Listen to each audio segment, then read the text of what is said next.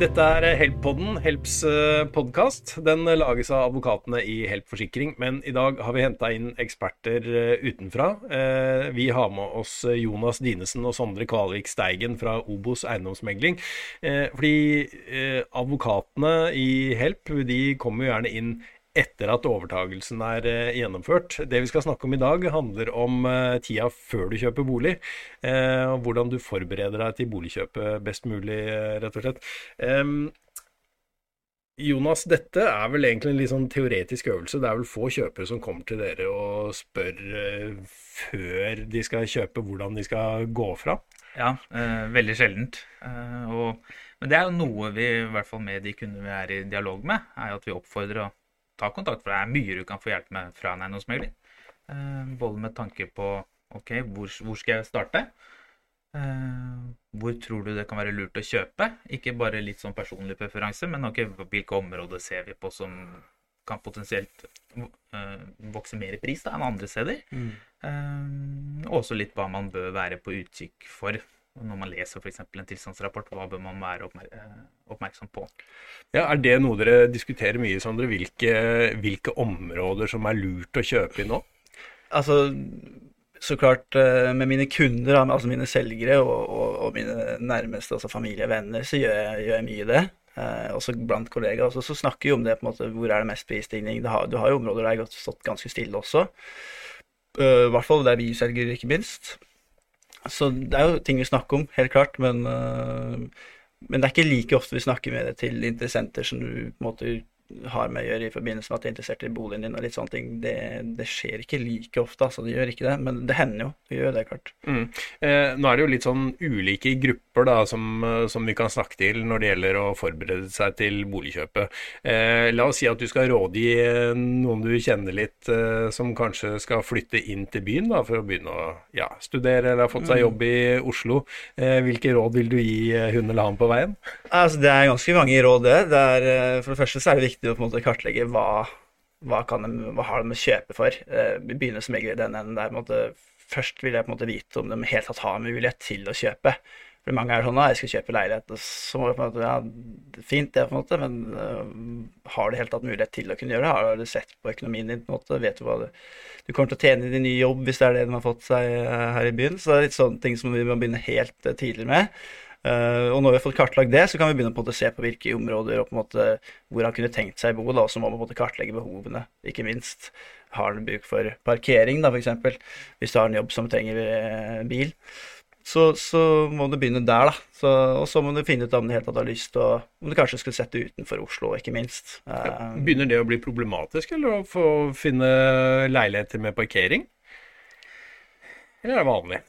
Altså Hvis du er enslig, uh, f.eks., og på en måte ikke kommer og har så mye oppsvarte midler, eller kommer fra veldig fine kår, så er det ikke lett. altså tror jeg For i hvert fall egen parkeringsplass. Du, du har jo gateparkering, uh, og borettslag har jo noen parkering etter liste, så, men du må gjerne vente noen år bare for å få Ja, og det, og det er ikke alltid det er økonomien det går på heller. For ja. mange steder, sånn som i drabantbyene, type Oppsal, Landbergseter, ikke sant. Der, der, er det jo nesten bare parkering etter venteliste i mm. borettslaget. og i visse tilfeller så er, kan det være én til to år for å få tak i en parkeringsplass. Så, og det er ikke noe særlig Man har ikke noe særlig muligheter for å kjøpe en garasjeplass der. På samme måte som man har noen steder på Frogner f.eks. Nei, for det er ikke noe til salgs, egentlig. Det er sjelden det er for de fleste følger borettslagene. Og følger gjerne leiligheten, og kan ikke selges utenom leiligheten heller. Så det er litt sånne ting som eh, kan gjøre det vanskelig. Det er ikke men uh, det opplysningene om parkeringsplassene, det regner jeg med dere er flinke til å skrive i prospektene om, uh, om, hva mulighetene for parkering er? Ja, helt klart. Så, så er, du, er, du, avhengig av å ha med deg bilen, så, så, les prospektet nøye og spør megleren om det.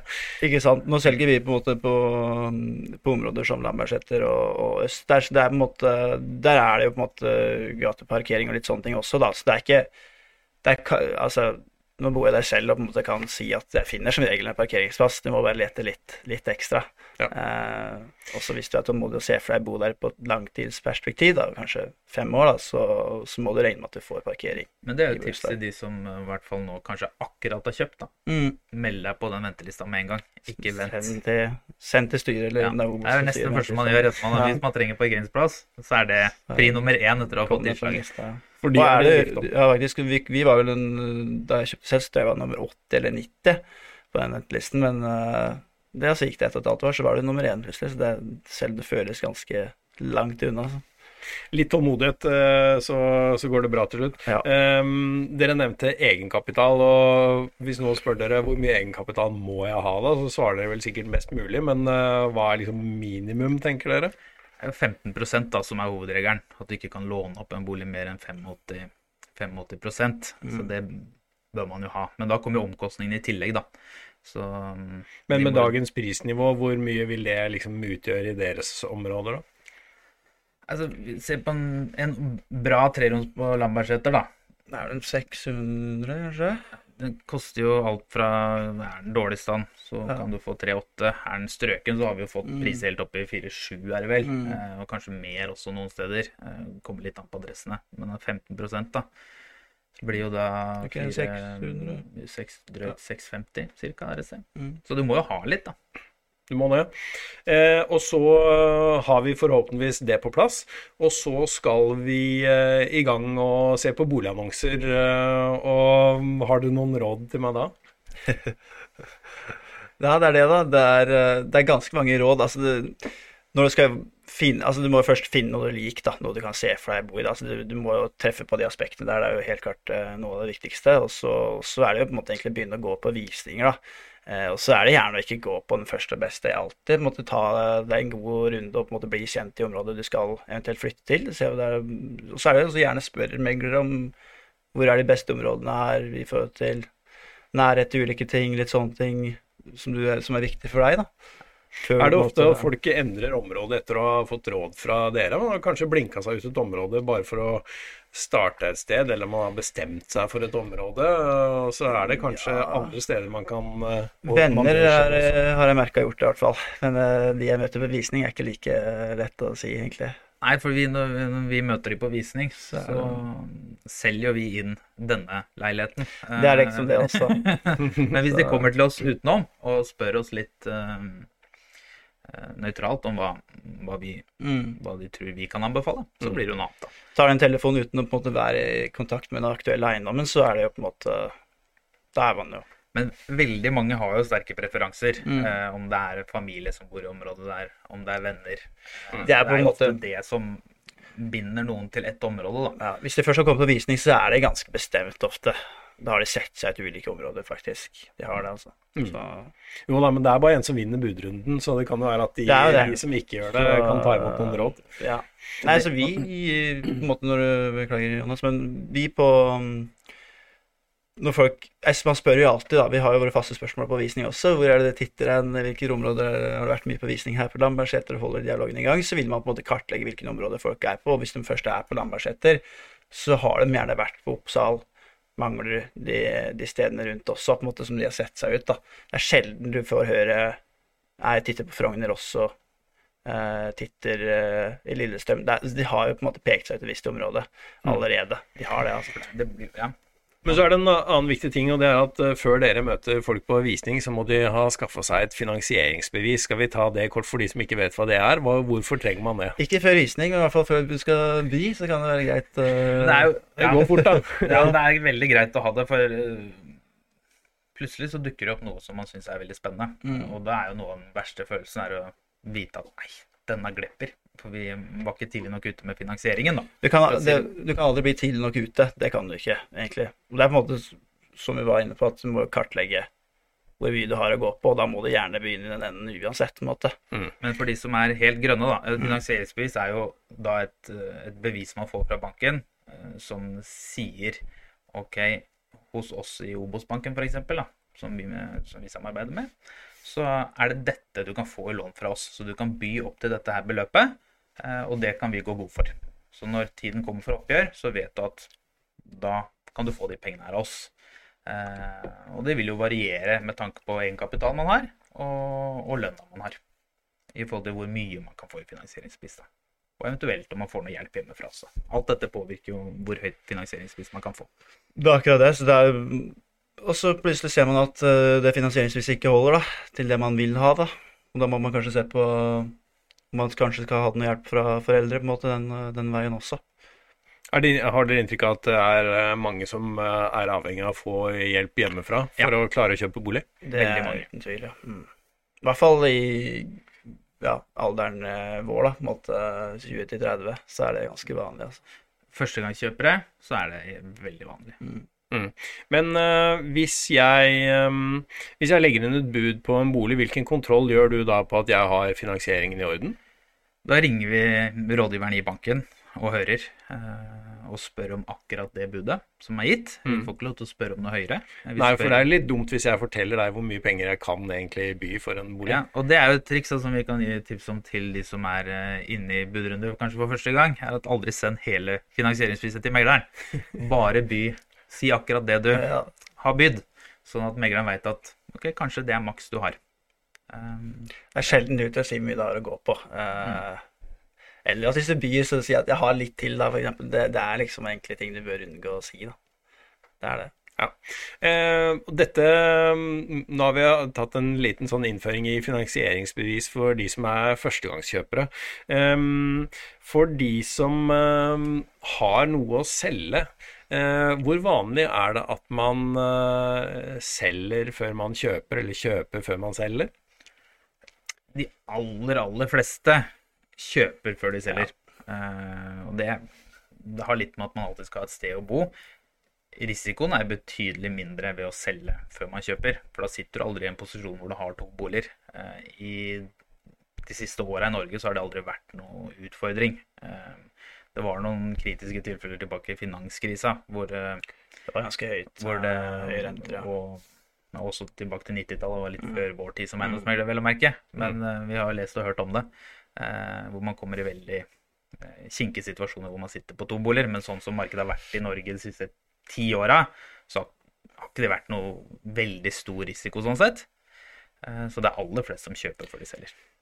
Er, altså, man vet jo aldri hvor lang tid en kjøpeprosess vil ta, på en måte. Så du kan jo holde på et år uten at du egentlig hadde egentlig sett for deg å gjøre det ellers. Så det er på en måte Det aller beste er jo på en måte å, å kjøpe først. Men det er ulike fordeler og ulemper uansett, på en måte. Så da, Absolutt, og selger du før du kjøper, så får du plutselig et tidspress på det, for da skal du ut av den boligen du eier. men og også da- er det liksom Så må du plutselig ta noe du ikke vil ha på et eller annet tidspunkt, da. Ja. Så det også er litt sånn uh, mm. Og det sier jo noe om at det er eh, at boligmarkedet i Norge fungerer godt da, når eh, de aller fleste kjøper før de selger det de sitter på. Ikke sant. Så også luksusen her, her i Oslo, ikke minst, da, så er det ganske lav omsetningshastighet på, på de fleste objektene. Så det er på en måte det er sjelden vi setter opp et uh, kalenderløp for en selger der uh, vi ikke treffer på, på ganske høvelig få dager med, med mellomfinansiering, faktisk. Og så er det jo sånn at eh, renten på, på mellomfinansiering er jo rekordlav, og jeg vet Obos-banken de har vel samme rente på på, på mellomfinansieringen som på et vanlig boliglån. Mm. Så det er jo en ganske trygt sånn sett, da.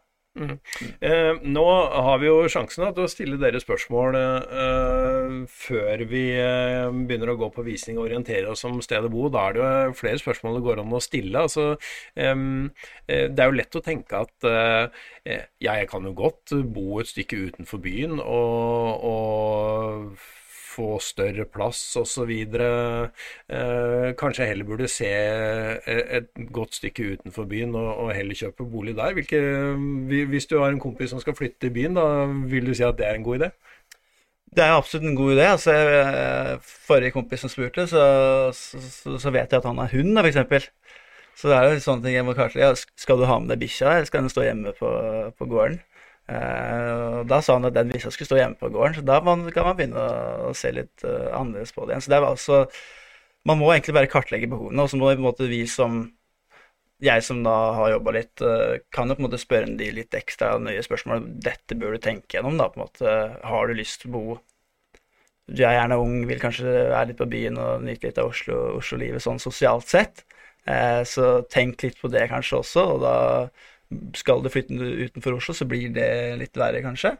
Kartlegge kollektivtrafikken, i hvert fall. Ja, eh, litt sånne ting også. Skal du, skal du på en fest, så er jo taxi dyrt eh, hjemme også. Det er en kostnad du bør regne med hvis det skjer to ganger i uka. Så det er litt sånne ting Uh... Så kan du se det sånn på da, hvis du velger å kjøpe en eh, treroms på Lambertseter Det er kontra ikke en treroms på Grünerløkka, så har du ganske mange taxiturer i året før du har brukt opp den, eh, den prisforskjellen der, da, for å si det sånn. Altså det, så hvis du bare ser sånn på det, så vil det jo helt klart være annerledes, men, men ja.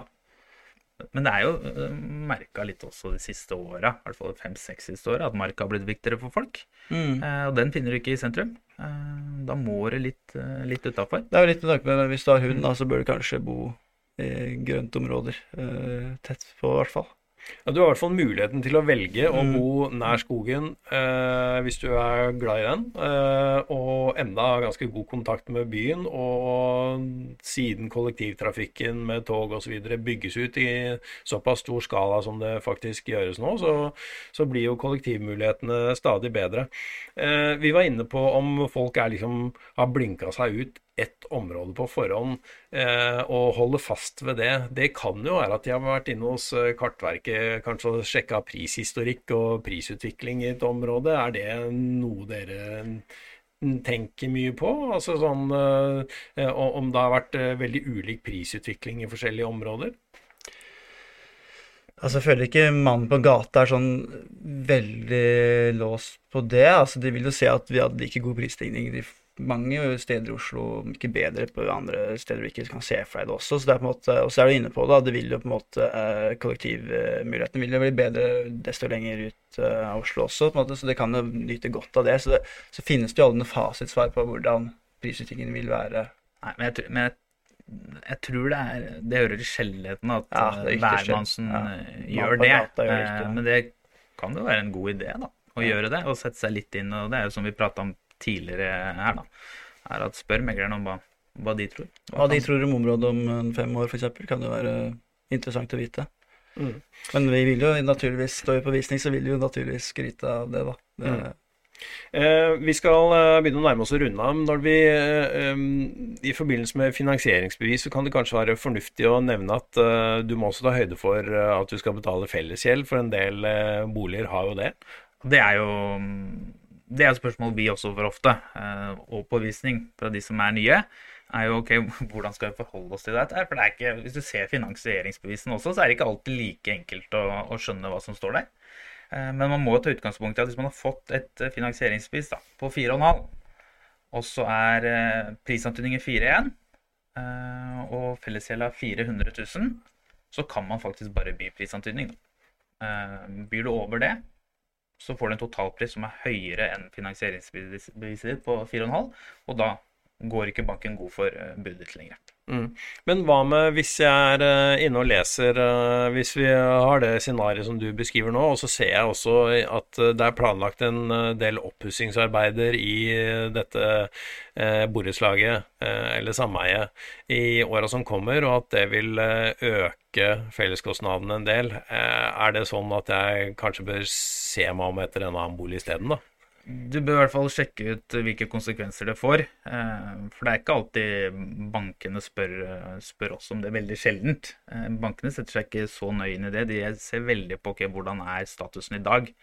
Men det er jo å anbefale å, å tenke gjennom konsekvenser. Okay, Hvordan påvirker dette her økonomien hvis felleskostnadene stiger med 2500, da, for- å dra til litt. Sett Sette på spissen, ja. Så da kan du både tenke at hvis du skal den dag, en dag selge den igjen, da, hvordan det vil påvirke eh, leiligheten da, og på en måte salget ditt. Hvis du sitter her med 5000 i felleskostnader, da vil en interessent eh, man mister noen interessenter sånn sett. Mm. Og så, sant, så må man se for deg hvilken oppgradering man gjør også.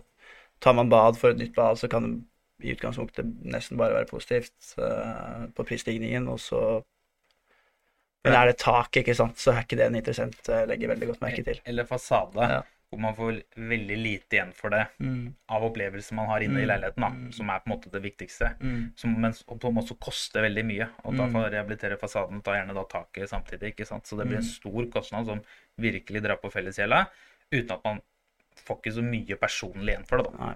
Men en ting man kanskje kan eh, spekulere litt i, da, er hvis de planene inkluderer å lage balkonger til eh, leilighetene. fordi at da eh, vil vel Da, det gjøre noe med da vil det jo bare være, som Jonas er inne på, da har du noe personlig for, for leilighet igjen. Da. da går det jo på en måte utover hele opplevelsen sånn sett.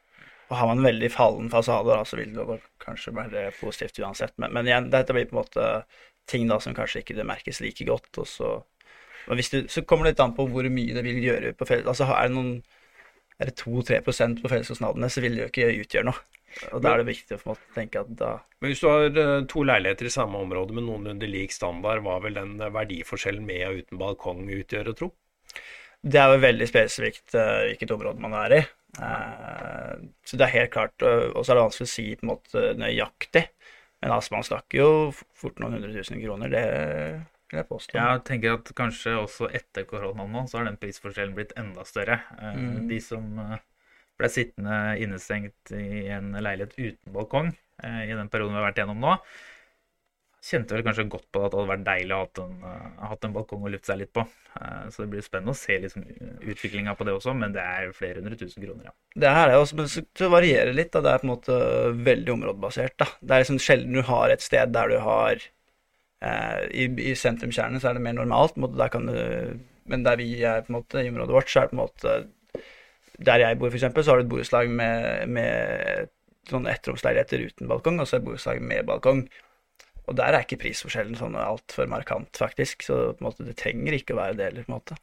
Men vi ser jo, men det er litt sånn som markedet har vært nå, da. Eh, det siste, I hvert fall det siste året. Mm. Hvor det har vært så ekstremt prispress. Eh, det har vært lite boliger ute for salg, så er det veldig mange som kjemper om de få boligene som er ute.